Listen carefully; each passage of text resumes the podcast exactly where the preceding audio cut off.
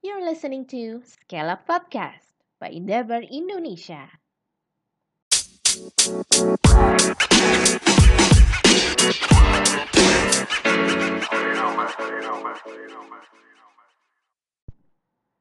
Hello everyone. Welcome to our second episode of Endeavor Scale Up Podcast. Kalau episode pertama teman-teman sudah mendengar all about fashion business, di episode kali ini kita akan ketahui lebih lanjut tentang F&B business.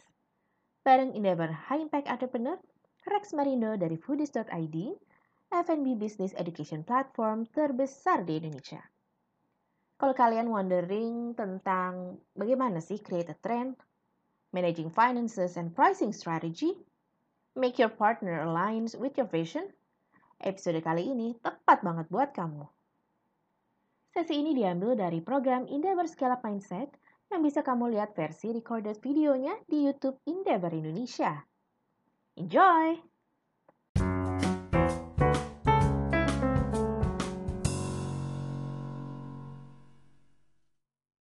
kali pertama Rex bikin bisnis itu dulu bukan F&B kan ya Rex dulu tuh kayak um, percetakan dan desain bener nggak sih di tahun 2003 dan 2004 ya?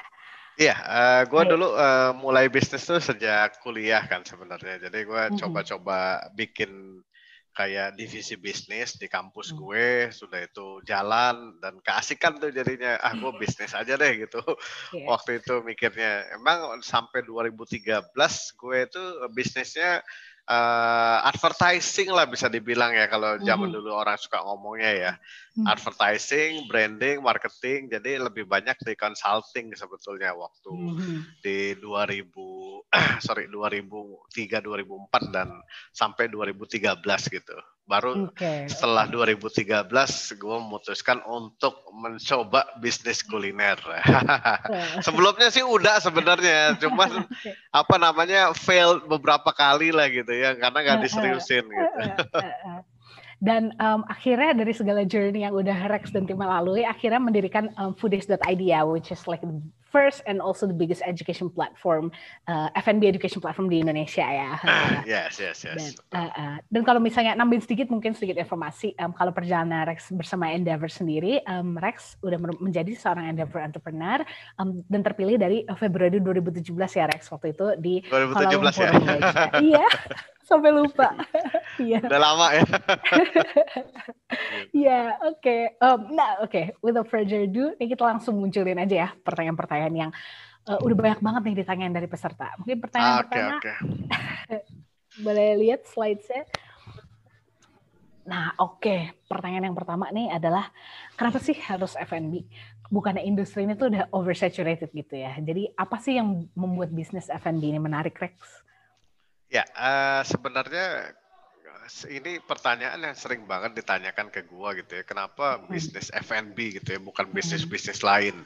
Sebetulnya kalau kita melihat potensi ya, uh, melihat potensi bisnis kuliner itu uh, salah satu bisnis yang menurut gue tidak akan lekang oleh zaman gitu ya. Kenapa? Eh, simple aja karena ini uh, basic business gitu ya. Artinya kebutuhan basic manus manusia itu kan makan ya. Nah jadi nggak ada kayaknya yang cuti makan gitu ya.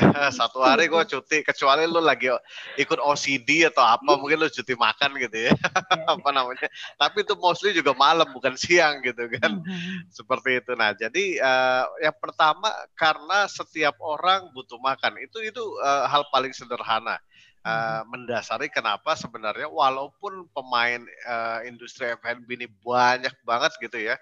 Mungkin kalau di satu jalan uh, itu kita bisa cek mungkin 90 persennya ya bisnisnya kuliner, sisanya iya. baru ada jualan uh, fashion, sepatu, cukuran, apa namanya, kemudian macam-macam bisnis lainnya. Tapi sisanya kuliner. Tapi tetap aja kalau menurut gua secara potensi karena hampir semua bukan hampir semua orang adalah marketnya. Nah, tinggal kita mau masuk ke segmen yang mana, kemudian memenuhi kebutuhan yang mana. Nah, seperti itu itu yang pertama. Jadi kalau kita bicara markets, then you apa namanya tinggal lihat aja penduduk Indonesia sebenarnya.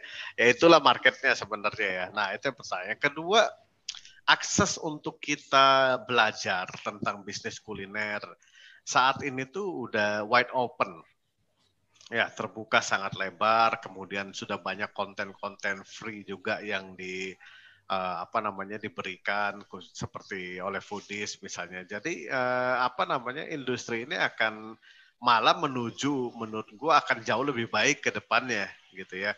Dan uh, terlihat nih seperti sekarang misalnya sejak pandemik ini salah satu yang menurut gua reboundnya paling cepat ya kuliner sebetulnya gitu ya. Walaupun pandemik sebenarnya bisnis kuliner itu kalau dilihat-lihat malah tumbuh sebetulnya kalau dari sisi player pemainnya ya. Karena orang di rumah jadi udah kurang kerjaan. Akhirnya apa? Ah jual kue deh, jualan bebek deh, frozenin deh, jualan cabe deh. Jadi main semua ke sana gitu. Jadi nah ini ini interesting ya.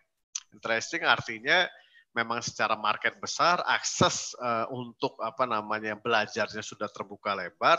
Dan yang ketiga yang cukup menarik juga adalah uh, industri kuliner ini uh, sudah mulai dilirik banyak investor tam, gitu ya.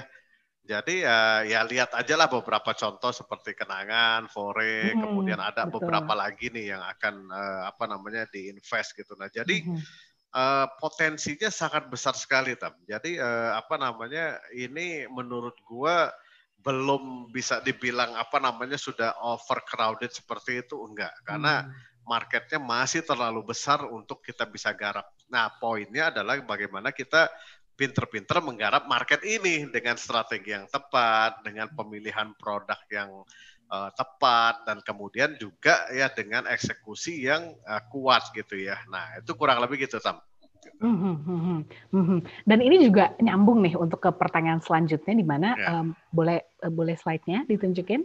Um, tadi kan lagi ngomongin tentang uh, marketing segala macam. Nah pertanyaannya itu adalah um, gimana sih caranya membangun um, sebuah eh apa aja sih langkah-langkahnya maksudnya kayak creating uh, F&B business untuk first timer gitu kayak gimana caranya loncat gitu. Okay. limited budget. Uh, gue uh, kasih teman-teman semua yang lihat di sini kurang lebih enam langkah ya hmm. untuk bagaimana kita uh, bisa ngebangun bisnis kuliner itu dari let's say dari budget minim banget kemudian even though you don't have a budget ya no problem sih basically gitu karena tadi gue bilang sekarang itu banyak banget yang mau invest di hmm. bisnis kuliner gitu. Yang penting itu kita punya tenaganya dan punya apa namanya kompetensi untuk menjalankannya ya.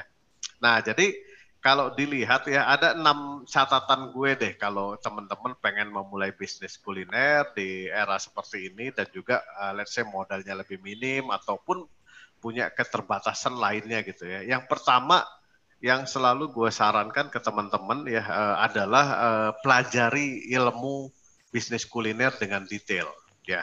Jadi uh, lo bekali diri lo dulu dengan ilmunya tam. Jadi karena ke mostly yang gue perhatikan selama gue ngejalanin foodies ya udah beberapa tahun ke belakang, kegagalan banyak bisnis kuliner ataupun teman-teman yang memulai bisnis kuliner itu karena kurang ilmu. Ya. Hmm, Oke. Okay. Jadi uh, sampai gue harus keluarin buku tuh kemarin 50 kesalahan fatal dalam bisnis kuliner. itu gue yeah. keluarin berdasarkan pengalaman gue dan pengalaman banyak sekali pebisnis kuliner dan semuanya punya satu muara sebenarnya kesalahan-kesalahan ini kurang hmm. ilmu sebetulnya gitu jadi kita itu nggak tahu ketika udah menjalankan oh ini harusnya begini ya nah oh ternyata harusnya begini ya. Nah hal-hal hmm. ini sebenarnya lebih baik makanya gue suka bilang pelajari dulu. Ya of course lo nggak perlu lama-lama waktu juga lo butuh dua tahun belajar yang enggak juga. Maksud gue ya uh, ada baiknya sebelum lo perang ya menuju medan perang lo sudah pahami dulu siapa lawan lo uh, teknik apa yang lo butuhkan untuk memenangkan pertandingan kemudian uh, apa namanya lo harus menyiapkan apa nah hal-hal seperti itu. Nah jadi teman-teman yang pertama ya pelajari ilmu bisnisnya. Dan which is itu udah banyak di provide ya. Ada yang gratis ada yang berbayar. Nah jadi hmm. teman-teman harusnya punya banyak waktu untuk mulai mempelajari ini. Nah, yang kedua ya, kalau misalnya kita punya kesempatan untuk magang atau untuk menjadi apa namanya ya, job trainee sebentar gitu, do it. Ya. Misalnya lo uh, ada kesempatan lo datang ke sebuah kafe, lo pengen bisnis kopi deh misalnya. Gua saranin lo better cari tempat kopi ya kemudian lo daftar jadi magangnya sebulan hmm. ya atau dua bulan, even tuh lo nggak dibayar nggak apa-apa. Ya, kenapa? Karena dari situ nanti lo uh, apa namanya bisa uh, eh sorry tam, gue kok aneh ya uh, laptop gue. Kenapa tuh? Kayak habis baterai ya. Eh, ya udah gak apa-apa. Di charge iya, dulu mungkin. Termati lagi di tengah-tengah. Iya makanya. Ah, udah aman. Oke. Okay. Oke, okay, tadi step kurang. kedua. ya. Jangan lupa ya. magang. Jadi step kedua sebaiknya lu uh, cari pengalaman sedikit. Karena gini, kalau lu magang ya, misalnya lu uh, magang di sebuah coffee shop lu mau buka kopi. Lu akan melihat banyak hal detail yang akan sangat berguna untuk lu pelajarin. Ya, okay. bagaimana si ownernya mengelola karyawan, bagaimana ownernya mengelola konflik, bagaimana ownernya uh, ngurusin service, yang which is ini kadang-kadang ya kalau dipelajari ilmunya tuh nggak ada tertulisnya gitu loh. Hmm. Ya, bagaimana lo berurusan misalnya tiba-tiba uh, tempat lo didatengin preman, nah gimana? Nggak ada teorinya. ya nggak iya. ada teorinya, nggak ada apa namanya, nggak ada buku yang membahas itu juga. Hmm. Nah itu base-nya experience, ya. Nah ini akan sangat baik ketika lo ada experience, itu yang kedua ya. Nah hmm. yang ketiga juga ketika lo sudah lagi belajar di poin pertama atau lo lagi magang, lo juga bisa paralel kemudian mencari ya produk apa, produk kategori apa yang kira-kira nanti akan menjadi ya uh, cikal bakal bisnis lo. Ya. Okay. Let's say misalnya lo mau jualan kopi lah katakanlah tadi. Paling gampang ya anak-anak zaman sekarang nih kayaknya lulus maunya bikin coffee shop gitu ya. Jadi apa namanya? Uh, uh, apa pusing juga gue gue kemarin bantu orang juga uh, eh mau bikin apa aduh coffee shop lagi kagak deh gue bilang so many coffee shop ya walaupun memang konsumsi coffee shop eh, coffee itu masih rendah di Indonesia ya kalau di Korea tuh udah gila-gilaan tuh bisa tiap meter ada coffee shop mungkin ya. hmm. ya. Nah, tapi balik lagi ke poin tiga. Jadi paralel kita siapkan produk kita. Nah, sebenarnya produk seperti apa sih yang dijual? Apa sih diferensiasinya? Apa sih positioningnya? Bagaimana sih bisa out of crowd from your competitor? Itu balik lagi ke poin pertama, Ram. Artinya lu nggak harus ngerti ilmunya, ya ilmu hmm. marketing, ilmu branding, ilmu tentang diferensiasi, ilmu tentang positioning. Ini poin tiga ini ya akan jadi problem besar buat lu ketika lu nggak paham ilmunya seperti apa ngejalanin bisnis kuliner. Nah, hmm. jadi balik lagi gue kalau di kantor suka bilang, guys, ikro ya, ikro baca gitu ya. Itu yang ketiga. Yang keempat, nah kemudian kalau kita udah paham uh, pengen bisnis apa, produknya apa, kita udah ini, nah kita baru mulai susun paralel susun juga marketing plan-nya seperti apa, kemudian bisnis plan-nya seperti apa gitu. Eh?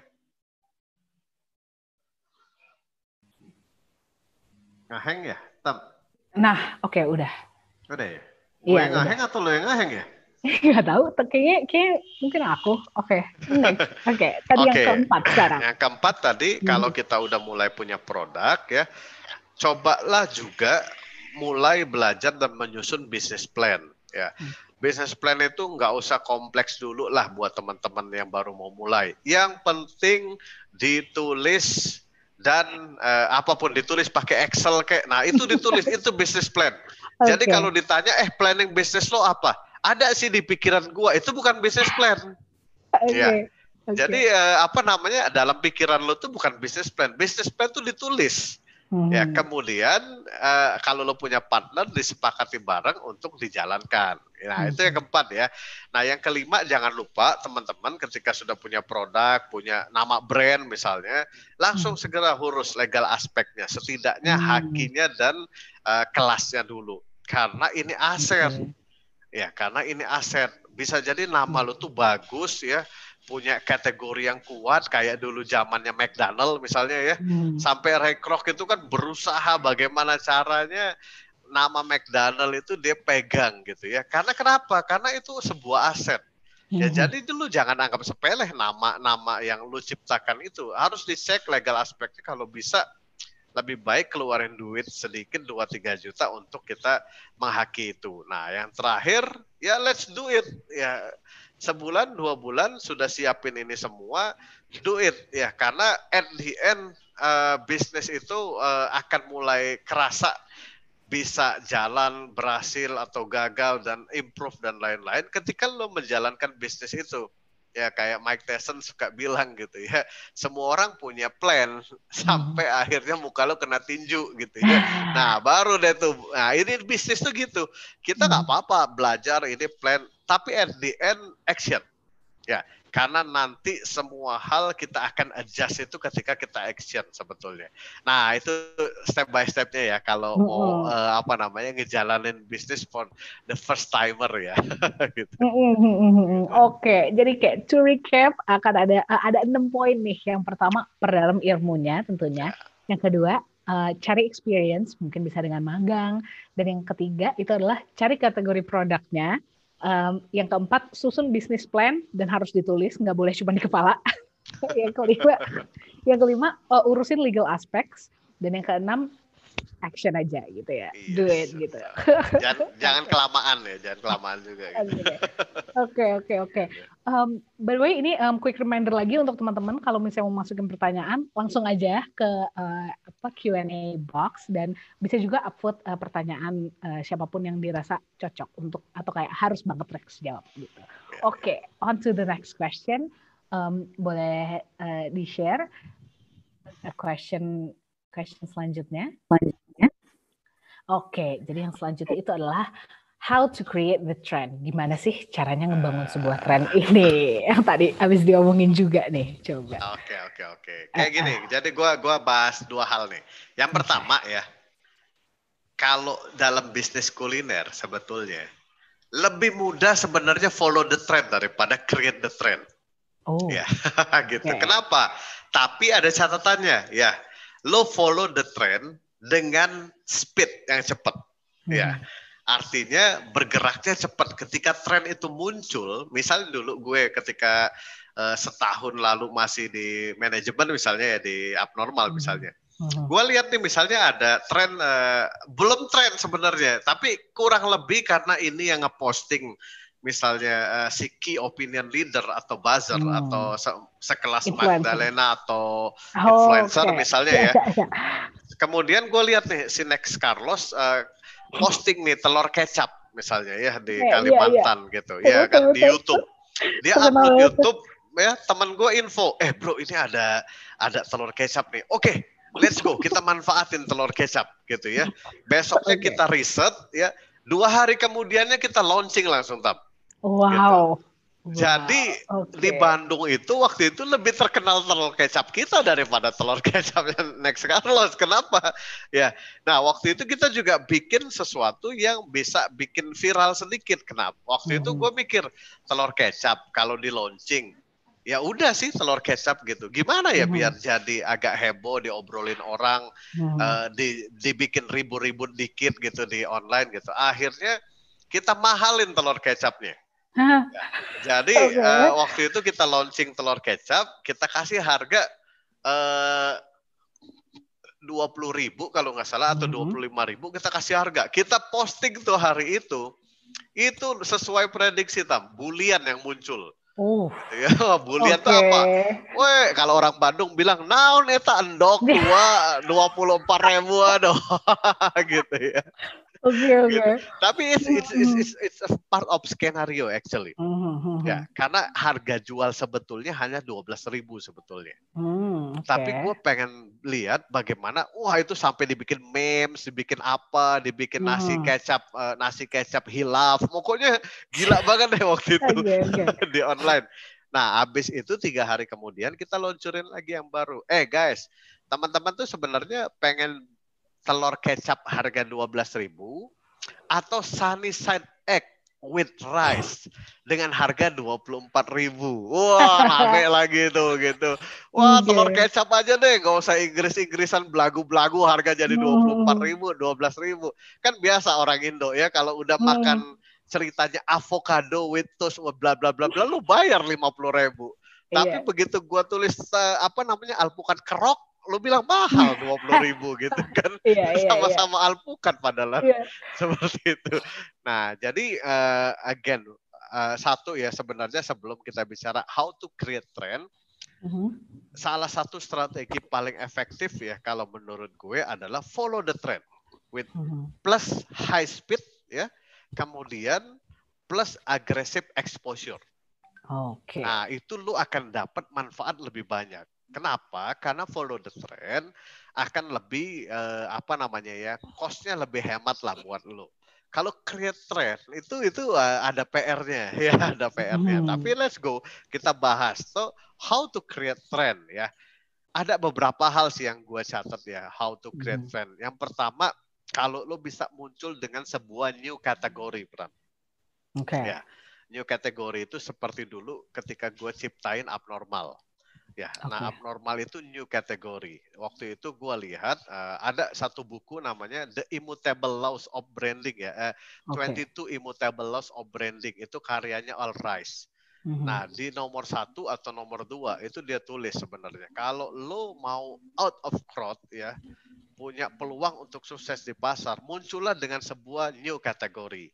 Nah waktu itu gue ikutin. Kita lihat dulu ada eh, apa namanya ada warkop, kemudian Mhm. ada kelas-kelas Starbucks. Nah Hmm. kita lihat di tengahnya itu nggak ada yang motong sebetulnya Oke.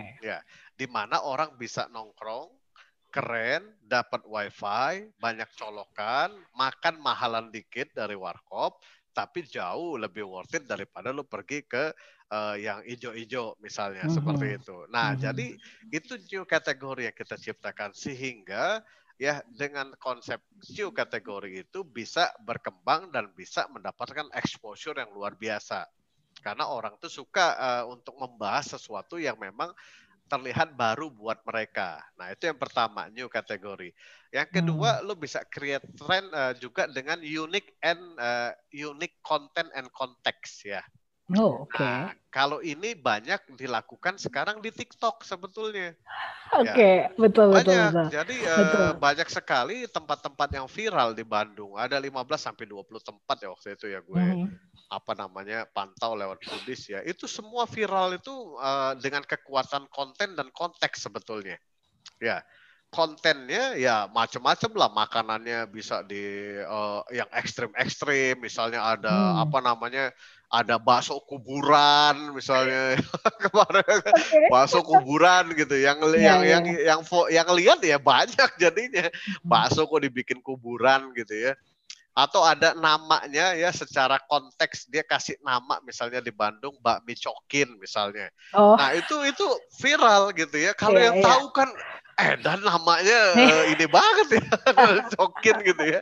Tapi at the end dia viral ya dengan ya dia eh, membentuk sebuah tren makan eh, apa namanya mie mie ayam baru ya dengan Mhm. anak-anak muda yang pemain-pemain TikTok dan milenial yang datang Mhm. seperti itu. Nah, itu kita juga bisa ambil ya. Jadi create trend dari sisi konten dan konteks, Konteks. sebetulnya. Nah, Oke. yang ketiga kita juga bisa mendrive trend melalui ya, ya namanya endes ende, apa namanya ya, bukan endeavor, endorser ya. Oh.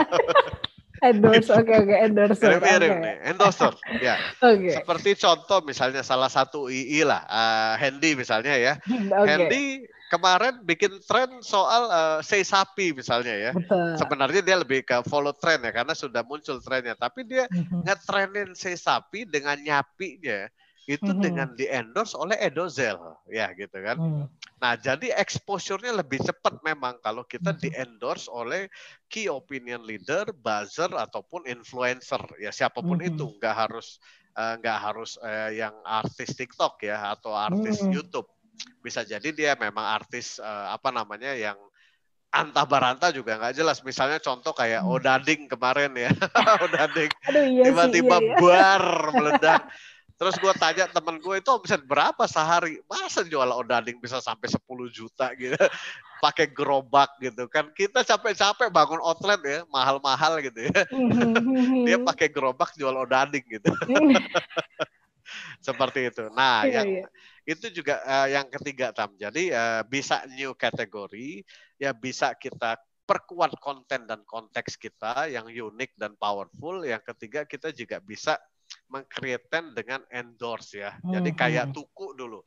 Tuku ke endorse banget tuh ketika Pak Jokowi, Jokowi datang. ya. Iya. kan es kopi susu meledak deh tuh Betul, ya betul, saat betul. itu. Atau yang di Bandung juga ada eh, kopi sejiwa misalnya. Pas Pak Jokowi datang juga. Jadi memang paling hoki itu kalau presiden datangin sih. Nah itu udah kemungkinan bisa apa namanya jadi trennya tuh luar biasa seperti itu. Betul. ya. Karena Nah, betul-betul key lebih opinion gitu. leader ya.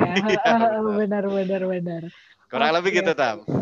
Oke oke. Nah ini em, masih nyambung nih sama kayak em, ini ya eh, tren mungkin. Eh, Ini ada pertanyaan dari eh, Grace, Gracelia Virginia. Em, Udah banyak yang upvote.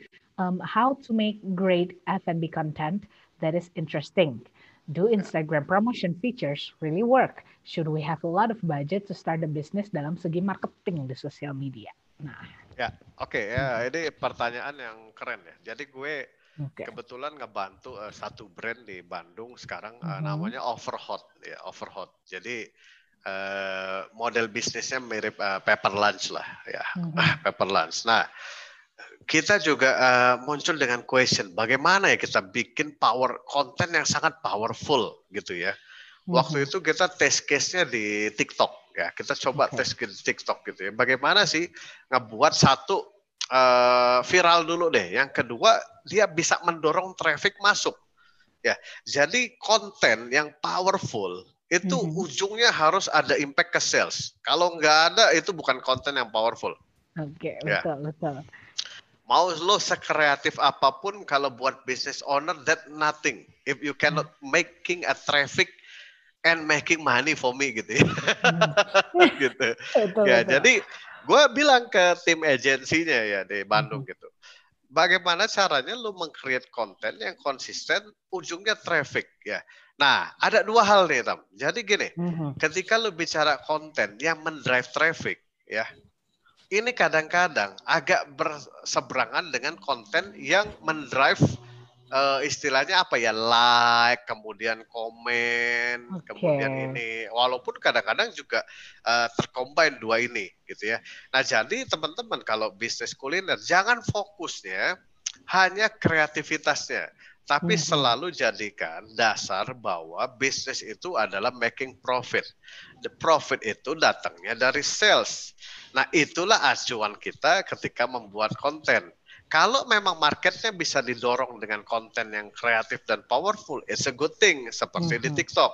Ya, TikTok tuh kan lucu-lucu ya, pakai musik dan lain-lain gitu. Akhirnya kita nemuin satu, ya bukan nemuin lah, maksudnya ngetes dan kita lihat nih, oh, oke, kita nggak banyak yang viral, tapi outletnya sudah mulai rame. Artinya secara awareness terbangun walaupun kontennya kalau ukurannya kreatif Mhm. menurut gua minimal sudah 50 atau 100 k lah yang uh, Hmm. view atau like gitu itu belum ada sebetulnya sampai Hmm. akhirnya ada konten yang mulai naik nih Oh udah 20 ribu, hampir 30 ribu. Eh tapi konten ini nggak penting banget ya sebenarnya ya. Gitu. Istilahnya kayak konten-konten kucing gitu loh di Iya. TikTok gitu kan banyak konten kucing gitu ya Iya, iya.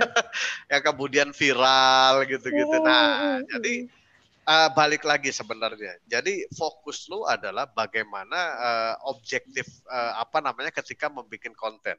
Oke. Ya, apakah ini untuk traffic generator ataukah ini untuk membangun awareness skala masif atau memang untuk hobi lu aja bikin yang uh, yang lucu-lucu viral-viral seperti mm, itu. mm, Karena kita nih berbisnis tam. Jadi berbisnis apa pun yang kita spending, bayar tim kreatif, bayar uang itu akan selalu mengacu kepada hasilnya seperti apa nanti. Ya gitu kan. Dan kebetulan konten-konten yang dibuat tidak diikutkan juga gitu ke Citra Pariwara. Jadi ujungnya kan ujungnya ya ya nggak ada sales lo lo Iya. mau bilang lo mau bilang engage lo seribu persen juga actually I don't care gitu kan Iya, at the iya. end gitu. Nah jadi Betul. base-nya objektif ya. Jadi jangan terpancing Mm-mm. untuk wah kita harus eh, bikin sesuatu yang super kreatif atau apa. No, objektifnya balik lagi apa. Mm-mm, Gitu. Oke oke oke. Citra Bariwara. Oke. Oke. On to the next question ya. Semoga ini uh, membantu ya untuk um, siapa tadi Gray Gracelia. Oke. Okay. On to the next question. Ini adalah gimana sih cara memanage financing serta pricing strategi dalam F&B business? Nah. Ah, oke. Okay. Mm-hmm. Kalau ini gue pecahin dulu ya. Jadi an- antara manage finance dan pricing strategy. Dua-duanya mm-hmm. terkait tapi bahasanya bisa berbeda sebetulnya ya dari okay. sisi konteks uh, apa namanya organisasi. Kalau bicara finance ya, eh gue jadi ingat dulu gue pertama kali endeavor ya, gue tuh parah banget soal finance gitu ya parah jadi gue okay. gue tuh kan orang kreatif ya jadi mm-hmm. uh, apa namanya udah pusing kepala gue kalau udah urusan urusan begitu gitu nah satu hari itu gue datang tuh nggak bawa tim gua yang ngerti finance ya. Waduh. Terus okay. gua harus ketemu yang dari Jepang tuh siapa ya gue lupa gitu ya. Pertanyaan pertama dia uh, apa namanya berapa EBITDA lo? Damn, wah apa deh EBITDA nih? Gue buka laptop, gue lihat layar gue. Ini hmm. EBITDA yang mana ya? Parah banget gue waktu itu ya. Banyak angka ya. Oke. Okay, okay. Banyak banget angka gitu ya. Nah okay. tapi ke sini ke sini ya, hmm. maksudnya gue baru menyadari bahwa finance itu penting sekali buat teman-teman ya ketika hmm. bisnis kuliner. Lo boleh bilang lo orang kreatif, lo boleh bilang lo orang konten, lo boleh bilang lo orang produksi, tapi since lo sebagai business owner, lo harus paham tentang finance. Ya, hmm. tentu lo nggak usah harus ngerjain, maksudnya. Artinya lo ngerti bacanya, ngerti apa namanya, menterjemahkan uh, apa namanya numbers-number tersebut ke berbagai hal seperti itu ya. Nah, jadi this is very super important ya. Nah, jadi teman-teman harus mau belajar tentang finance gitu ya. Nah, kedua adalah setelah belajar disiplin tentang finance ya. Nah, disiplin ini tentu ya eh, ketika kita mulai bisnis, apa sih yang pertama kali dibahas? Finance pasti. Mm-hmm. Ya, nggak percaya, lihat aja yang pertama dibahas apa? Profit, omset ya itu kan urusannya udah ke finance. Ya nah jadi kita harus paham hal-hal seperti ini kalau menurut gua gitu ya.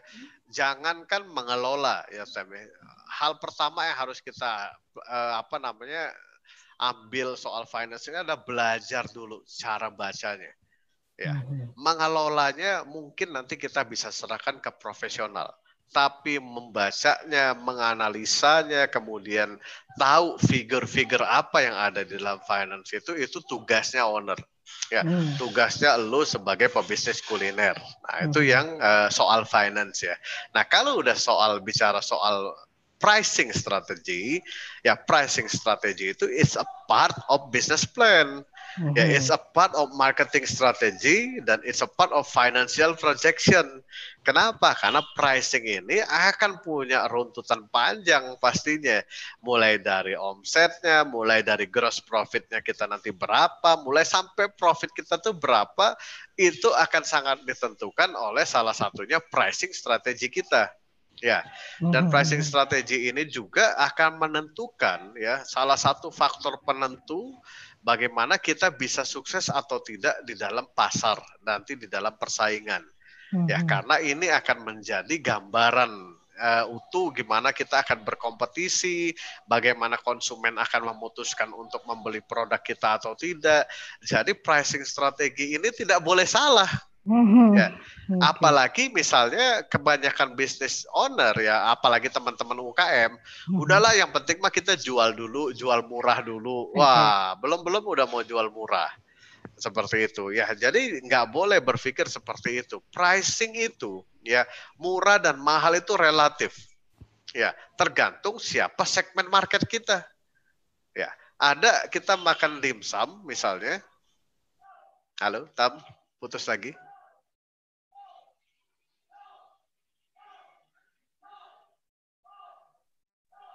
Bisa lanjut aja, Rex. Oh, suara gue jelas ya? Ya.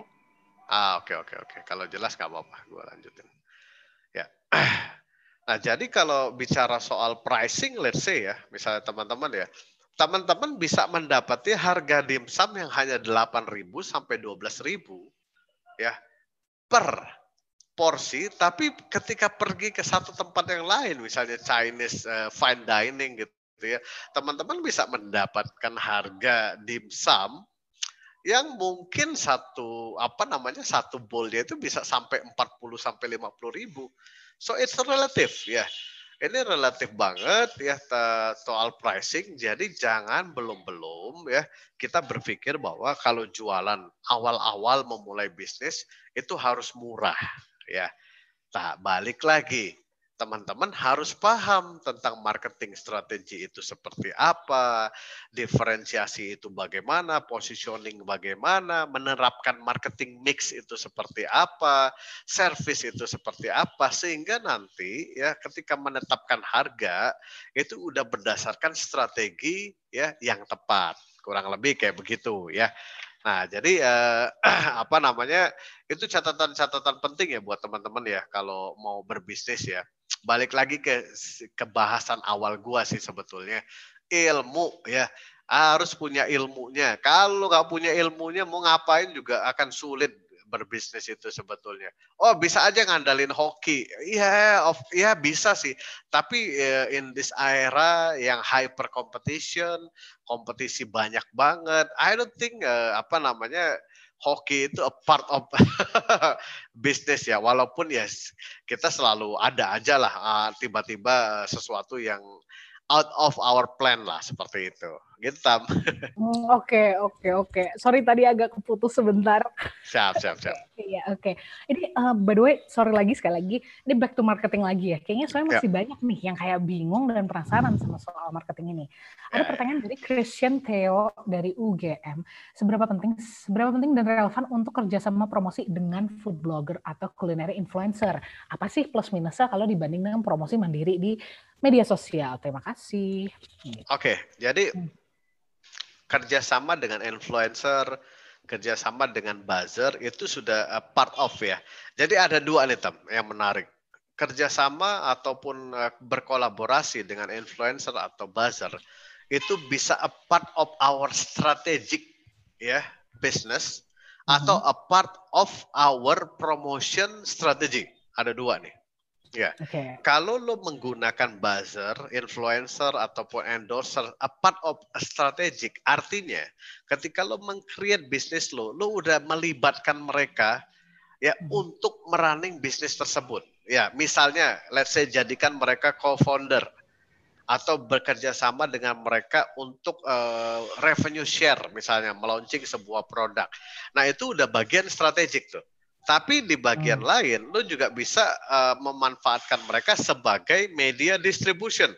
Hmm. Ya, content distribution seperti itu. Jadi ketika lu sudah punya produk yang kuat, lu udah punya budget, kemudian lu hmm. yakin dengan konsep lu bikin konten, kemudian lu kasih konten itu ke mereka atau minta mereka untuk create konten lagi, kemudian mengekspos konten tersebut di follower mereka. Nah, hmm. jadi ada dua nih fungsinya. Okay. Bisa sebagai strategik di mana lo jadikan itu a part of your business plan okay. atau itu fungsinya lebih ke promotion strategi. Nah, jadi okay. uh, eh, ini menariknya nih kalau kita belajar marketing ya, belajar marketing, belajar branding gitu.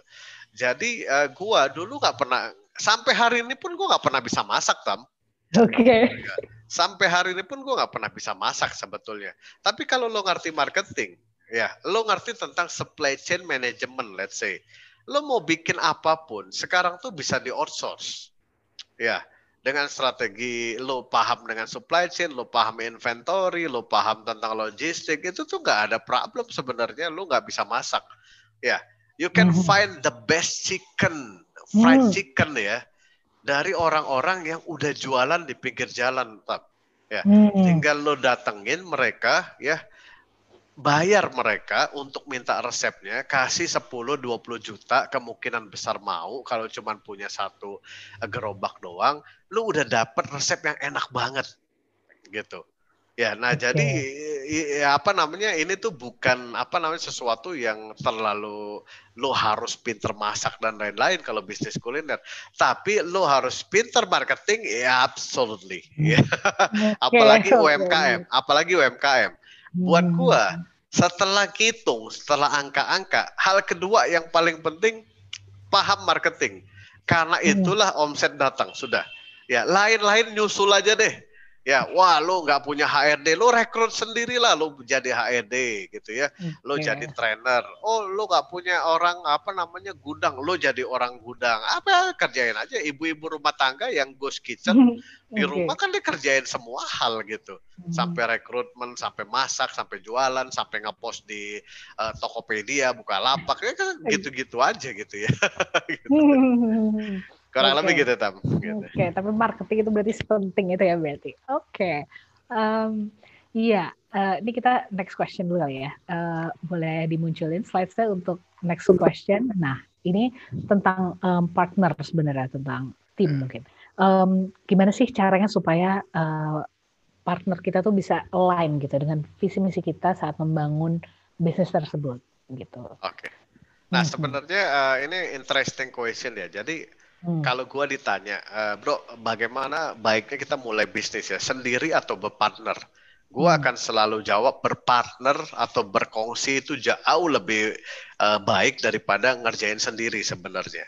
Oh, Kenapa? oke. Karena masalah speed ya, masalah Hmm. pembagian apa pekerjaan, kemudian masalah growth itu akan lebih cepat dan jauh lebih baik ketika kita tuh berbisnis dengan partner sebetulnya. Ya, nah cuman gua punya ada ada enam catatan kunci lah soal partner ini ya, biar teman-teman Hmm. nanti eh, apa namanya tidak kemudian terjebak dengan eh, liabilities partner gitu ya, seperti itu. Nah yang pertama tuh selalu ya, selalu teman-teman bahas dengan partner itu purpose-nya mau seperti apa. Ya, jadi ini dulu. Sebelum masuk ke visi, misi, goals dan lain-lain, lu duduk Hmm. dulu bareng partner lu. Lu mau ngapain bisnis? Apa tujuan lu mau bisnis? Karena gini tam, uh, purpose bisnis itu bisa beda-beda setiap Hmm. orang, gitu ya. Ka- Ketika gua ngebangun bisnis, uh, katakanlah foodies ya, kita punya purpose itu untuk menyebarkan ilmu ya, spread knowledge ya menjadi manfaat untuk banyak orang dan kemudian menjadi amal jariah buat kita yang ngejalanin ini. Itu purpose ya. Nggak ada Iya. nilai duitnya di situ tam. Kalau udah Oke. dipikir-pikir gitu ya, nggak ada nilai duitnya. Nyebarin ilmu buat jadi amal jariah. Ya udah as simple as. Ya. Nah, ini harus kita pahamin dulu, eh, harus sama dulu. Wah ada salah satu teman gue yang wah kalau gitu gue nggak terlalu cocok karena gue pengennya nanti bisnis ini dijual. Oh kalau Hmm. dijual that's not our purpose. Ya Hmm. kalau dijual bisnis ini akan jadi komersil gue bilang seperti itu. Nah di poin itu aja sebelum mulai kita udah nggak sepakat satu hal. Ya Hmm. jangan dilanjutin kalau udah seperti itu. Nah Oke. purpose ini kita harus jujur tam ya harus jujur eh, bicara dengan masing-masing partner. Ya Hmm. ada orang-orang purpose itu terlalu dalam bentuknya ya terlalu dalam itu artinya bisa mewakili bahkan keyakinan dia untuk menjalankan bisnis ataupun menjalankan kehidupannya. I mean, Hmm. misalnya keyakinan bahwa gue pengen bisnis ini jadi ibadah misalnya. Itu kan sudah Oke. dalam banget ya. Nah, Hmm. ada banyak hal nanti ketika bisnis itu yang tidak sejalan dengan itu. Kebayang nggak lo kalau lo punya partner yang tidak sepurpose dengan lo? Ya, akan terjadilah konflik yang akhirnya tidak bagus. Ya, nah jadi ini Hmm. pertama. Nah, yang kedua ya, jadi kalau gue sekarang berpikir bahwa even tuh partner lo jago sekalipun, kalau nggak punya satu purpose, just forget it gitu. Mendingan Oke. temenan aja lah, ya temenan gitu ya, eh, teman main atau apa gitu. Tapi nggak usah berbisnis, karena Hmm. bisnis itu lo mau keluarga sama adik kakak lo sendiri bisa ributnya panjang gitu ya. Nggak usah sama oke, orang oke. lain, sama keluarga Hmm. lo aja bisa panjang seperti itu. Nah, yang kedua baru setelah kita sepakat dengan purpose, barulah kita bahas visi kita mau seperti apa sih. Lo mau kayak gimana, lo mau kayak gimana, kita seperti apa. Nah, kita sepakati dulu hal-hal tersebut. Ya. Nah, Oke. setelah dapat baru yang ketiga kita bahas nih fungsi, wewenang, tanggung jawab lo seperti apa. Peran kita akan seperti apa gitu ya. Hmm. Bagaimana ketika salah satu peran ini tidak berjalan? Katakanlah kita bertiga nih misalnya jalanin, Hmm. lo, gua sama Elvi misalnya ngejalanin. Hmm. Oke, tiba-tiba dua tahun ketika bisnis lagi growing, Elvi bilang, guys sorry ya, gue mau keluar dulu deh, kayaknya gue Oke. capek. Eh, loh, kok gimana nih? Kok lo bisa keluar gitu? Maksudnya kan kita Mhm. dari awal ngebangun bareng, bagi sahamnya bareng, terus lo keluar, enak banget dong. Nah ini ribut nih nanti kalau nggak dibahas dari awal. Ya. Mhm. Nah, jadi hal-hal tersebut harus tertulis, tem. Ya, Mhm. ketika bicara partner. Oke, kalau misalnya dalam tiga tahun ada yang keluar, gimana sahamnya? Harus dibahas. Nggak enak, mendingan nggak enak dari awal daripada nanti nggak enak di tengah jalan. Nah, Hmm. semua hal ini ditulis. Ya, jadi teman-teman kalau bikin bisnis bareng partner, mau itu teman sehidup semati lo ya, maksudnya dari teman kecil lo gitu, oke. lu tulis, lu tulis gimana satu hari kalau si Andi keluar sebelum atau kita sepakat bahwa kita bertiga akan menjalankan bisnis selama 10 tahun berkomitmen. Wah, itu dulu. Yang kedua, kalau salah satu keluar berarti dia harus menyerahkan seluruh share-nya untuk dikembalikan kepada yang berkomitmen masih untuk menjalankan. Nggak apa-apa dibahas, lu ribut-ribut dulu, tapi kan belum jalan bisnisnya. Iya, betul, betul. Nah, semua ini ditulis, dijadikan anggaran dasar rumah tangga, dimasukkan sebagai catatan, kemudian dinotarisin. Nah, nanti ke depannya inilah yang akan menjadi acuan. Jadi kalau satu hari benar misalnya Elvi keluar, ya udah Vi sesuai eh, kesepakatan di notaris kita kan berarti eh, saham lo udah automatically hangus ya dikembalikan ke kita berdua. Udah nggak perlu ribut-ribut karena kita udah pernah sepakat soal ini. seperti itu. Nah, Mhm. itu itu eh, tiga hal lah, eh, tiga hal yang penting banget lah kalau menurut gue ya. Satuin purpose, Oke. kemudian satukan visi, goal dan lain-lain. Nah, kemudian bahas semua hal detail. Tanggung jawab, wewenang, hak, kewajiban dan semua skenario yang mungkin terjadi di ke depannya. Tulis, masukkan ke ADART, kemudian jadikanlah itu ya tertulis di notaris. Nah, itu itu protek kita. Ya, protek protek persahabatan kita, protek silaturahmi kita, dan protek juga future untuk company-nya. Jadi Mhm. eh, nggak apa namanya nggak risk gitu ya. Kalau satu hari investor masuk ternyata dia lihat wah ini kok nggak jelas ya ADART-nya gitu dengan yang sebelumnya. Jadi aja eh, risk untuk company-nya jadi gede. Ya bisa Mhm. bubar tuh eh, brandnya, company-nya gara-gara hal-hal seperti ini gitu. Nah itu itu yang terkait dengan soal partner ya.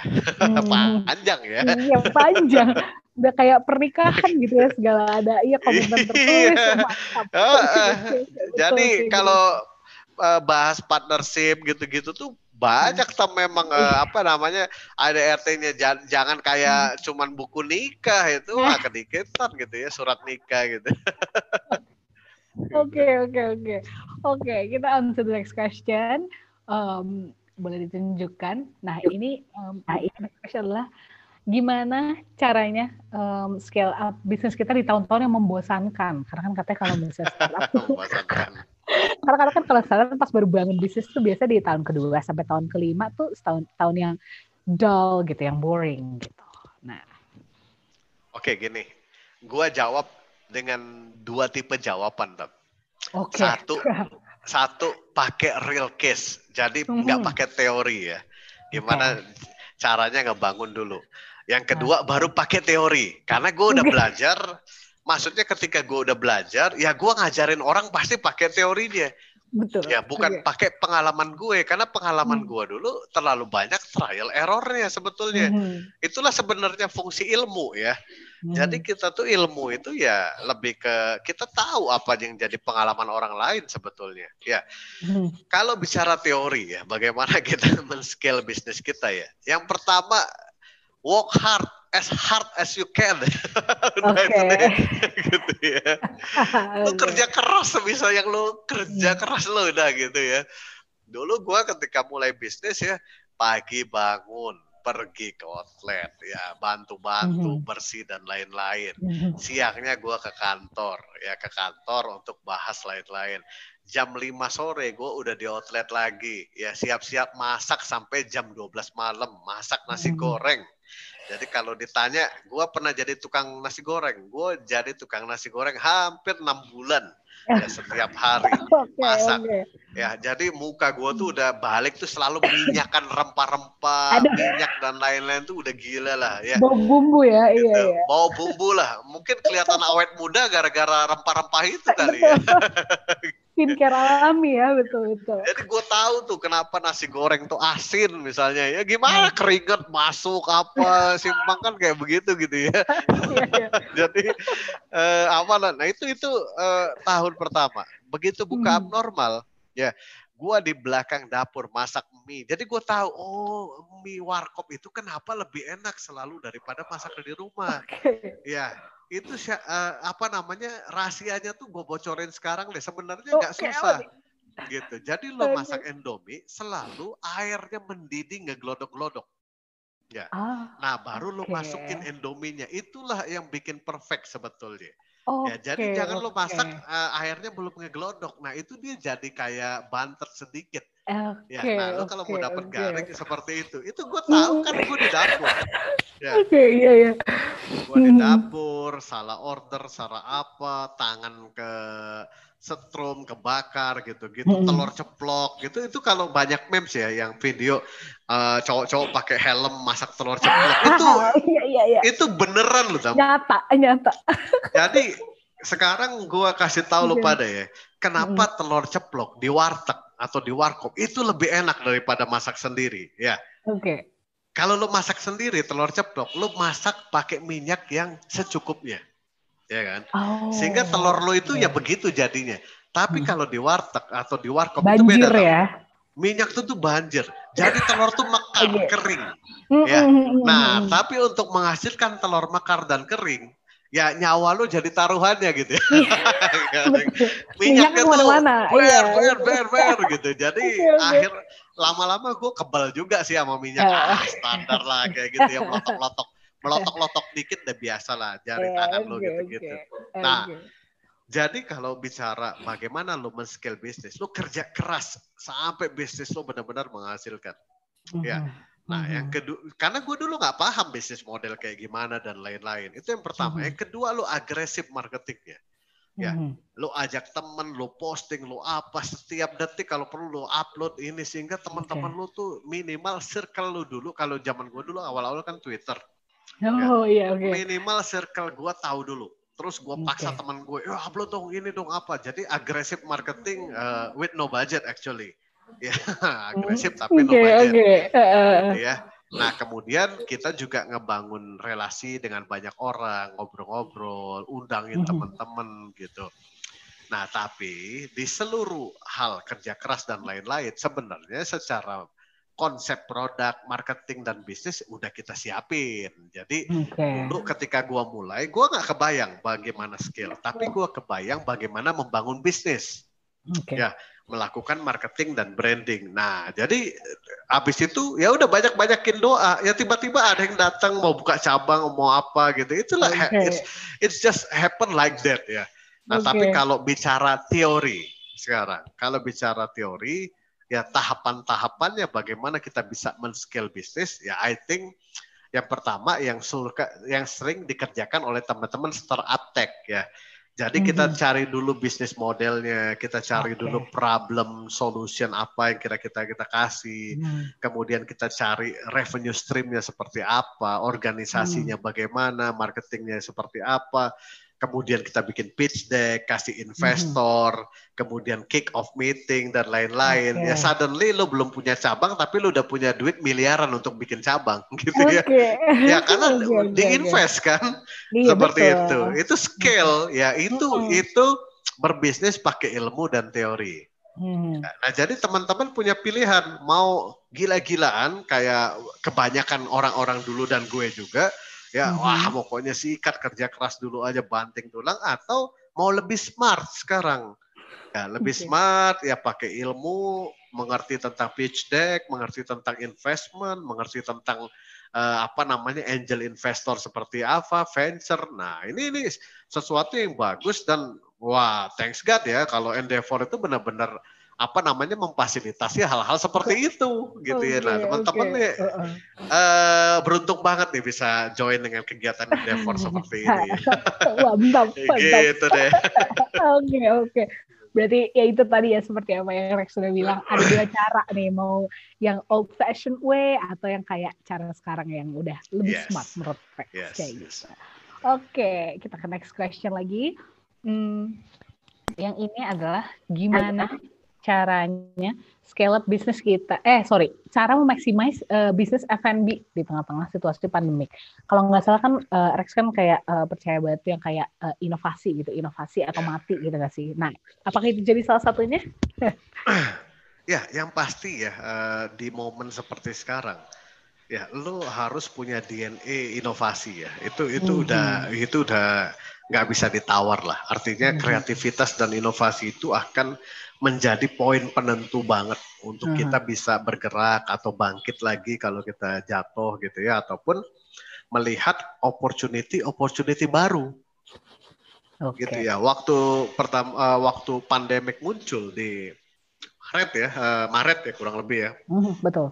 Nah, itu kan otomatis eh, seperti foodies. Dulu tuh kan foodies tuh kebanyakan offline kegiatannya. Mhm.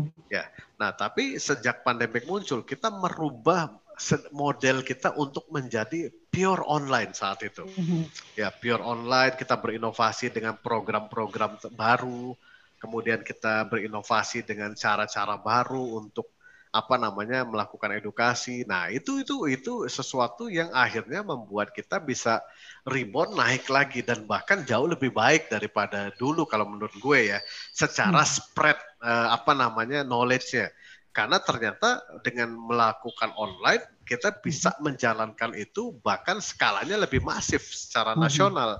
Kalau offline dulu tidak terlalu masif tentunya. Nah, itu yang pertama ya. Nah, yang kedua adalah gua sarankan teman-teman mulailah belajar learn tentang digital marketing dan selling Hmm. ya. Karena ini sepertinya kalau menurut gua salah satu bidang keilmuan yang akan punya peranan sangat besar ke depannya. Betul. Ya, either betul. itu untuk diri lo pribadi, untuk profesional lo di sebuah company ataupun untuk opportunity lo. Ya, opportunity lo ke depannya. Jadi gue eh, kayak gini nih, gue ber- eh, beberapa bulan ke bukan bulan ya, berapa minggu ke belakang ini suka merhatiin ya, misalnya si eh, bini gue misalnya ya, eh, dia suka belanja di Sally and Pepper ya, Sally and Piper gitu ya. Gue ngeliatin gitu, ini orang jual apa sih kok bisa laku ribuan gitu ya. Hmm. Jualan apa masker, topeng doang, launching eh, dua menit sold out gitu ribuan. Mhm. Ini kan eh, ini sesuatu yang interesting ya. Artinya di luar sana ya orang menggunakan platform online, digital marketing dan selling itu making huge of money ya, huge Mhm. amount of money gitu. Padahal dia cuman kerjainnya di rumah seperti itu. Jadi ini ini sesuatu yang menurut gua eh, teman-teman need to learn lah, lah tentang Mhm. digital marketing ini. Ya, Mhm. nah yang ketiga ya kalau bicara soal maksimalisasi bisnis di era pandemik ini, ya teman-teman coba cari dulu bisnis model yang lebih low cost, lebih low capex Oke. ya. Jadi capital expenditure-nya ya eh, rendah-rendah aja lah, misalnya kayak ghost kitchen atau ghost resto, nah Oke. seperti itu. Nah, yang Oke. keempat adalah ya tight di cash flow ya, karena ya kecuali nanti bulan depan, oke, eh, apa namanya eh, suntik suntik itu apa namanya istilahnya suntik eh, obat-obat covid itu apa istilahnya vaksin nah Pak- suntik lagi Ya vaksin di aku juga bingung kayak apa oh ya vaksin. Oke. nah kalau Oke. vaksin misalnya bulan depan keluar oke launching vaksin ah ya udah sih itu Mhm. oke kita go go fast lagi langsung seperti itu nah jadi Mhm. kita harus wise sekali ya di era pandemik ini Tapi Hmm. ini kesempatan untuk tadi belajar hal-hal baru, berinovasi dan berkreativitas, ya mencoba bisnis-bisnis model baru gitu ya. Kenapa? Mhm. Ya karena ini momen ya waktu semua lockdown di rumah aja tuh wah itu eh, lu cuman tinggal punya pilihan, lu jadi jamaahnya drakor atau lu belajar hal-hal baru gitu ya. Aduh ya betul betul betul banget betul. Kalau lo jamaahnya drakor ya waktu lo habis ya tentang Iya. One of Merit, kemudian oh, macam-macam deh pokoknya. Iya, Film yang iya. paling gue sebel itu ya ngomong. Ya. Oke Oke oke. Ya kurang lebih gitu mm. Nah tadi pas banget nih lagi kayak ngomongin um, cari yang uh, low capex gitu, let's say uh, Ya. cloud kitchen gitu. Nah pas Ya. banget ya ada ada juga pertanyaan tentang cloud kitchen dari Jenny from Universitas Ciputra. Sekarang banyak muncul bisnis F&B basis online atau cloud kitchen. Apakah ada perbedaan mengembangkan bisnis berbasis cloud kitchen dengan F&B konvensional? Ya sebetulnya kalau bicara perbedaan dengan F&B konvensional itu istilah aja sih Tam. ya, Oh, cloud oke. kitchen ya lo bisnisnya di rumah nah, gitulah kurang lebih atau di gudang atau di mana gitu. Konve- secara bisnis ya itu konvensional juga jualan. Nih, Tapi Oke. ca- dia tambahkan kemudian faktor-faktor teknologi di dalamnya. Ya mm, mm, khususnya delivery lah, khususnya Betul. delivery. Tapi satu hal, sebenarnya teman-teman ketika memutuskan bisnis cloud kitchen atau ghost resto, ada satu hal yang secara ya bisnis dari dulu tidak pernah boleh lupa bahwa membangun brand itu is emas. Ya, Oke. Ke- sekarang semua orang bikin cloud kitchen. Apa yang kemudian membedakan cloud kitchen lu sama cloud kitchen orang lain? Hmm. Ya. Belum-belum pemain yang gedenya juga bikin cloud kitchen lagi. Aduh, gitu ya. iya, betul. Si, si Grab-nya punya, kemudian si GoFood-nya juga punya. Sudah itu belum lagi yang baru di funding sekarang tuh kayak Yami atau beberapa Betul. bisnis cloud Betul, kitchen. betul, Jadi kita betul. tuh yang UMKM yang makin tergencet-gencet gencet-gencet gitu ya kalau bicara bisnis kuliner. Artinya Hmm. kita didorong untuk kreatif ya. Nah, kreatif itu seperti apa? Macam-macam. Ya, banyak hal lu pelajarin. Ada banyak hal yang tidak bisa dilakukan oleh pemain besar, tapi kita bisa lakukan. Ya, Oke. misalnya lebih engage ke customer, bisa Ah, kasih layanan lebih excellent, juga bisa personalize uh, order misalnya melalui Hmm. WA, melalui Telegram, melalui Oke. uh, Line. Nah, ini di di sini kita harus bermain dengan kreativitas ya, ataupun Mm-mm. kita meng-create menu-menu yang lebih kompleks misalnya ya, yang which is Hmm. kalau uh, pemain gede nggak mungkin meng-create menu itu. Ya, Oke. satu SKU-nya mungkin terlalu banyak nanti, kemudian inventory-nya dia pusing, supply-nya dia pusing. Nah, jadi sebenarnya kreativitas dan inovasi akan jadi kunci penting. Ya, selain Oke, tentu marketing betul. juga untuk kita bisa survive di dalam menjalankan bisnis kuliner. Ya, Oke, kalau bisa oke. survive, survive itu definisinya kalau kita ngejalanin sendiri, sekedar punya duit, bisnis kuliner tuh enak loh, Tam. Maksudnya Oke. kalau lu ngerti ilmunya ya, lu punya satu Hmm. cabang, lu ngerti ilmunya, kemungkinan besar lu bisa hasilin duit dari situ quite big kalau menurut gue. Ya. Oke. Tapi oke, kalau bicara skill itu cerita lain baru. Ya, oke. itu butuh spesifik kompetensi yang lebih advance lagi.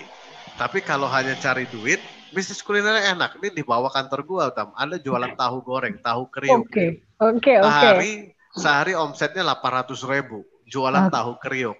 Ya. Oke. Untungnya ya itu sebulan bersih 30%. Berarti untungnya aja ya 800 ribu kali 30 24 juta dikali 3 persen hampir 7 juta Hmm. Betul. sebulan untungnya. Hmm. Itu satu cabang Tam. Kalau dia punya tiga cabang, Iya. Oke. cuman jualan tahu disiram-siram Hmm. pakai tepung diaduk-aduk begitu ya. Iya. Iya. Iya. Tapi iya. yang ngejalanin punya ilmu Tam. Dia Oke. ngerti bagaimana punya branding, dia punya Mhm. dia ngerti bagaimana supply tahunya biar kuat. Nah, ini yang akan membedakan sebetulnya.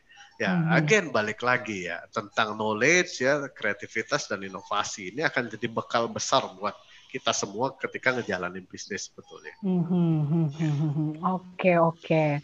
Nah, em, abis ini pertanyaannya adalah kalau boleh dilihat, em, selain bentar lu eh, lagi nunggu slides, eh, selain urusan rasa, oke, eh, selain urusan rasa, apa sih X factor yang paling essential dalam membuat bisnis F&B itu bisa eh, tumbuh secara signifikan seperti itu. Banyak nih yang bertanya-tanya, what's the X factor gitu. X factor ya. Jadi Mhm. eh, hacking growth-nya gitu ya.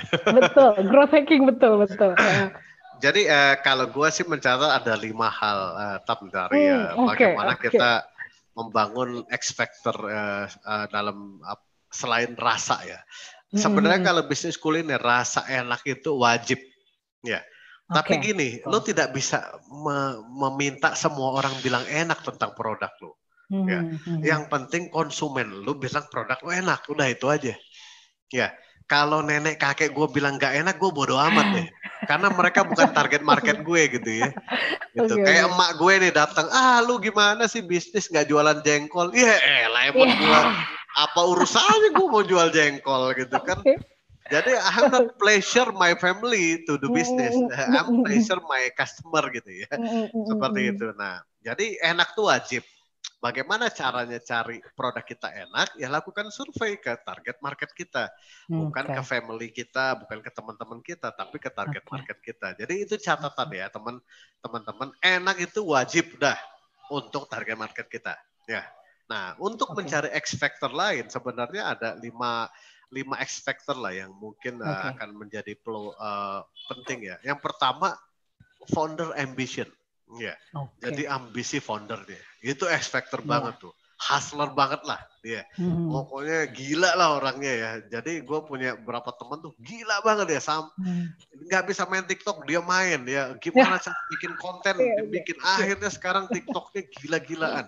Eh, Oke. apa namanya view-nya dan sukses lah bisnis eh, properti Mhm. dia ya di Oke. properti gitu. Jadi founder ambition itu salah satu X factor penting sebetulnya. Kalau Mhm. kita ketemu founder, misalnya gue di beberapa kali ketemu founder, wah enggak lah mas, kalau kita saya sih cukuplah tiga cabang, sudah alhamdulillah ngejalanin bisnis. Ya udah, cukup. Itu nggak Mhm. akan skill expand gimana, karena memang ambisi dari foundernya itu ya tidak sejauh itu. Oke. Which is itu tidak salah, ya which is itu tidak Oke. salah. Ya, itu which is itu tidak salah. Nah, yang kedua adalah right business model. Itu akan jadi X factor juga. Ya, jadi jangan Oke. sampai teman-teman salah memilih bisnis model. Contoh teman-teman udah tahu nih, eh, oh ini bisnis model yang banyak menarik investor VC ataupun angel investor. Nah, Oke. itu masuklah ke situ, susunlah strateginya untuk akhirnya mendapatkan modal, kemudian kita bisa boom cepet seperti itu. Ya. Nah, Hmm. yang ketiga X faktor paling penting investor gitu ya. Lu Iya, dapat investor gede, duitnya banyak ya ya udah X faktor lu Oke. banget tuh gitu ya. Nah, Eh, yang yang keempat right moment. Ini X factor yang Hmm. memang harus base-nya experience. Jadi lu tahu ah this is the moment. Ya untuk lu hack the ground-nya seperti itu. Jadi ada momen di mana belum tepat nih. Mungkin beberapa bulan ke belakang belum tep- tepat tepat. Tap. Tapi Mhm. Desember, nah be careful nih. Ini bisa momen yang tepat banget atau momen sebaliknya. Jadi kita harus pantau banget nih sebagai pebisnis. Gue gue Oke. eh, gue nge-growth nggak nih ya, nge-scale nggak langsung ya, Hmm. ngegas nggak ya di eh, November Desember ini. Nah yang terakhir ada satu X factor yang eh, ini tidak bisa dipelajari dan itu it's just come like that ya. X factornya it's come from your gut gitu ya. Jadi apa namanya tiba-tiba kayak gini. gue suka bilang ini X factor paling penting Hmm. lu nggak pernah tahu ketemu dengan siapa. Ya. Tiba-tiba Oke. satu hari lu datang ngobrol-ngobrol, ngopi-ngopi, eh gila investor gede, eh gue dong invest di bisnis lu. You don't know. Ya. Iya, iya. Sama betul. kayak gue misalnya, oh gue pengen banget nih bikin aplikasi ini. Satu hari ada yang naik ke kantor gue. Cuman numpan kencing dari bawah gitu. Numpang Oke. kencing di kantor gue kan resto di bawah. Ya, Oke, kemudian naik numpang kencing gitu ya. Kemudian ngobrol, eh ternyata dia orang yang memang kita butuhkan untuk ngebangun sebuah aplikasi karena dia Wow, kuat oke. sekali di bidang ini. Nah, ini ini sesuatu yang sudah diatur dari sananya. Benar, Tugas benar. kita adalah memanfaatkan itu dan kemudian yang menjadikan itu sebagai X factor kita. Nah, Hmm. kurang lebih kayak gitu Tam. Oke oke itu beneran X Factor tuh ya, yang kayak gitu Iya, tuh. Dulu kayak luar masuk- kita loh. Gua masuk Endeavor pun kan karena kenal dengan dulu Ines misalnya ya. Ya itu kan temen kuliah dulu ya. Who knows? Ya, who knows? Bener, Who knows bener, Ines bener. di Endeavor, kemudian gue punya bisnis. Ada hal-hal yang it's out Ah. of our mind lah. Udah ini it's, sudah diatur sedemikian rupa lah. Iya benar, Ah, di luar kuasa kita gitu ya. Ya, ya. Oke oke oke oke. Nah sekarang nih kita eh, ambil pertanyaan dari yang Q&A box ya. Tadi kan Oke. kita kan ini balik dikit, balik dikit ke yang tadi yang cloud kitchen dan segala macam. Tadi kan udah dibahas tuh tentang cloud dan online kitchen. Sekarang ada yang concern soal lokasi tapi offline gitu. Dari Abdul Majid, sering kali terjadi anomali terhadap lokasi bisnis yang strategis, di mana lokasi tersebut bisa dibilang tidak strategis dan jauh dari pasar. Tetapi bisnis F&B tersebut tetap ramai oleh pelanggan. Pertanyaannya, gimana sih menganalisis lokasi bisnis yang dapat menciptakan anomali tetapi tetap eh menciptakan anomali tapi tetap ramai oleh pelanggan karena terkadang anomali tersebut menekan biaya sewa atau beli tempat yang strategis dan menciptakan kesan unik seperti itu. Ya, kalau dipikir-pikir ya, kalau lo pernah ke Jogja nggak Tam? Ke Jogja? Uh, ya. Pernah. Ya. Di Jogja kan ada kopi lotok ya. Kopi Tahu, klotok. Kopi klotok. Itu iya, jauh parah kan tempatnya. Iya, strategis iya. gak? Iya kagak. Enggak iya. Nah, tapi lo kalau datang ke sana ngantri makan pisang gitu iya, sama laundry. Iya ngantri banget sih, nggak pernah Parah enggak. banget iya. gitu. Terus kalau order pisang juga dibatasin lagi, sebel iya. banget kan. Seperti iya, itu. Iya, iya, iya. Nah, uh-huh. jadi kemudian lo ke Bandung coba.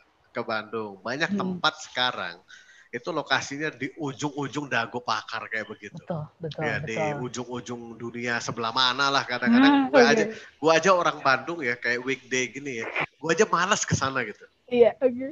Ngapain sih jauh banget gitu. Nah itu tapi kalau setiap weekend itu orang Jakarta itu udah bikin macet luar biasa betul, di Bandung itu. Betul, Seperti betul. itu. Artinya sometimes ya location itu tidak terlalu punya relevansi ya yeah. dengan tempat itu ramai atau tidak.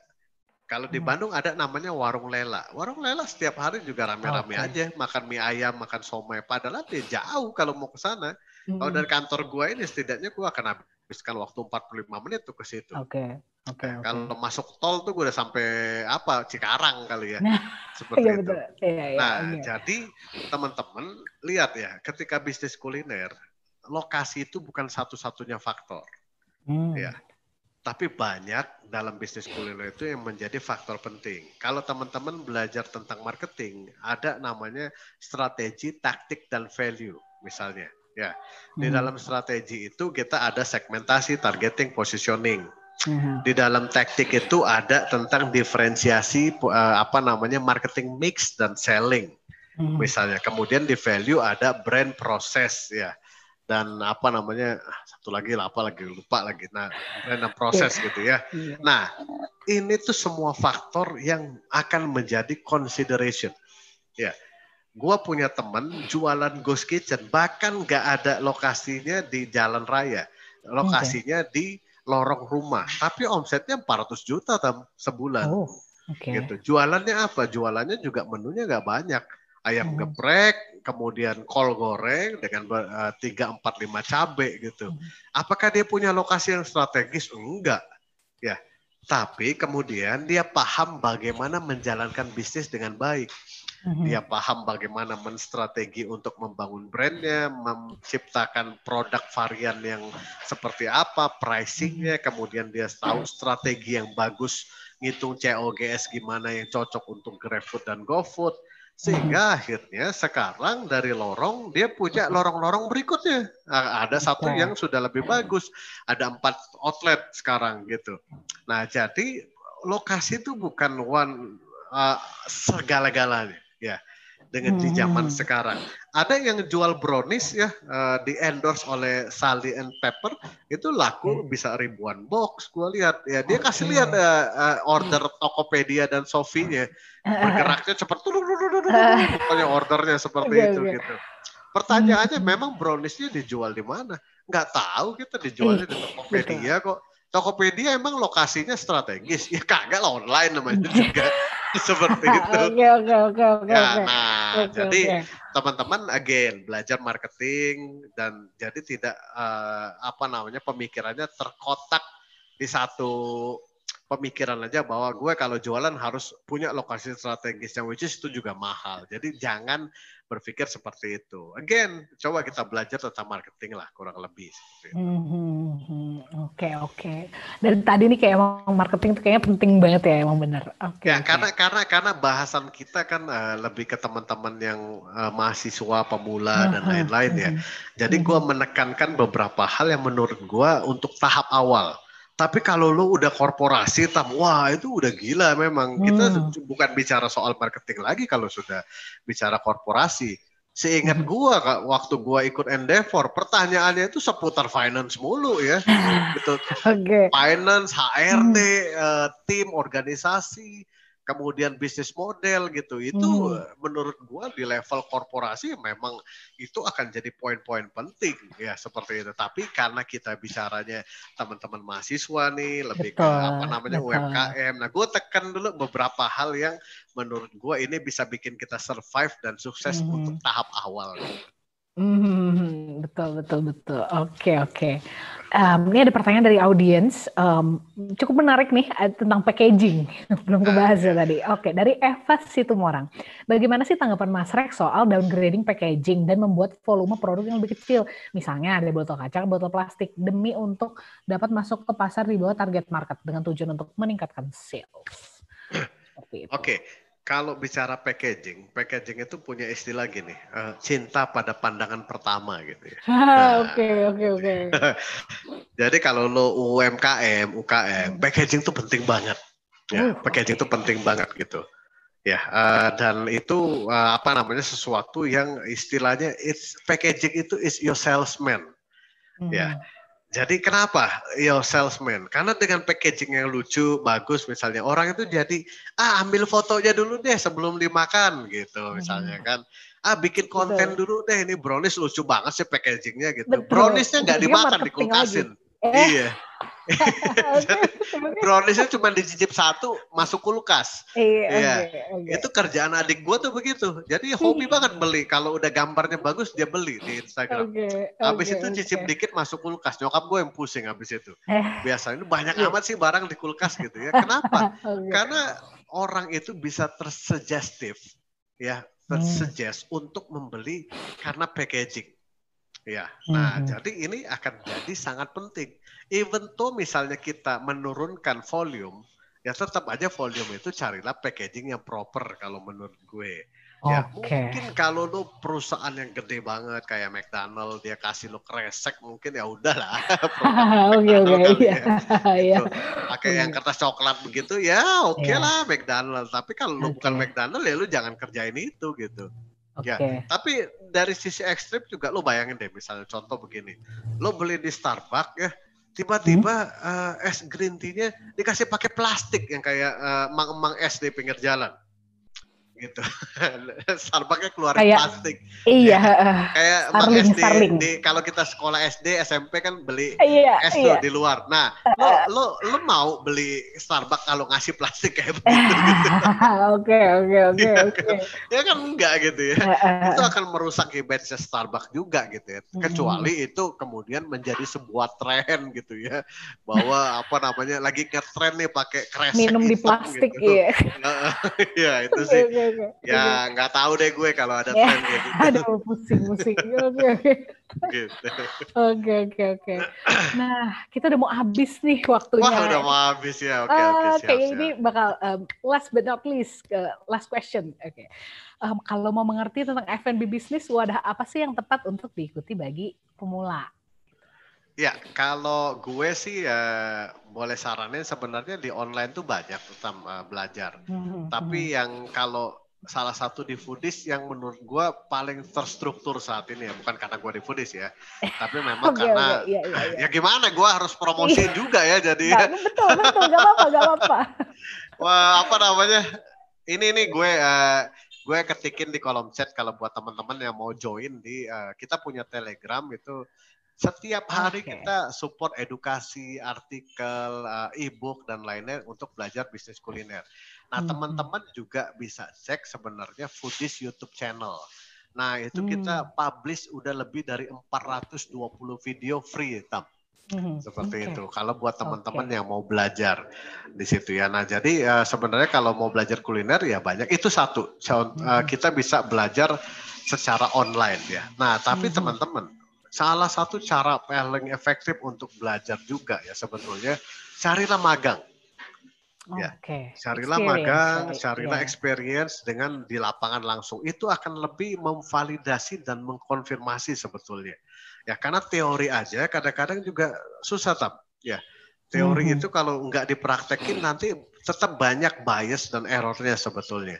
Nah, tapi kalau teman-teman coba magang, misalnya cari aja di, di daerah teman-teman ada coffee shop kalau mau keren ya cari yang keren. Tapi selalu aja bikin lu tulis di lamaran lu itu tidak perlu dibayar. Nah, udah tuh, diterima lo kemungkinan besar deh.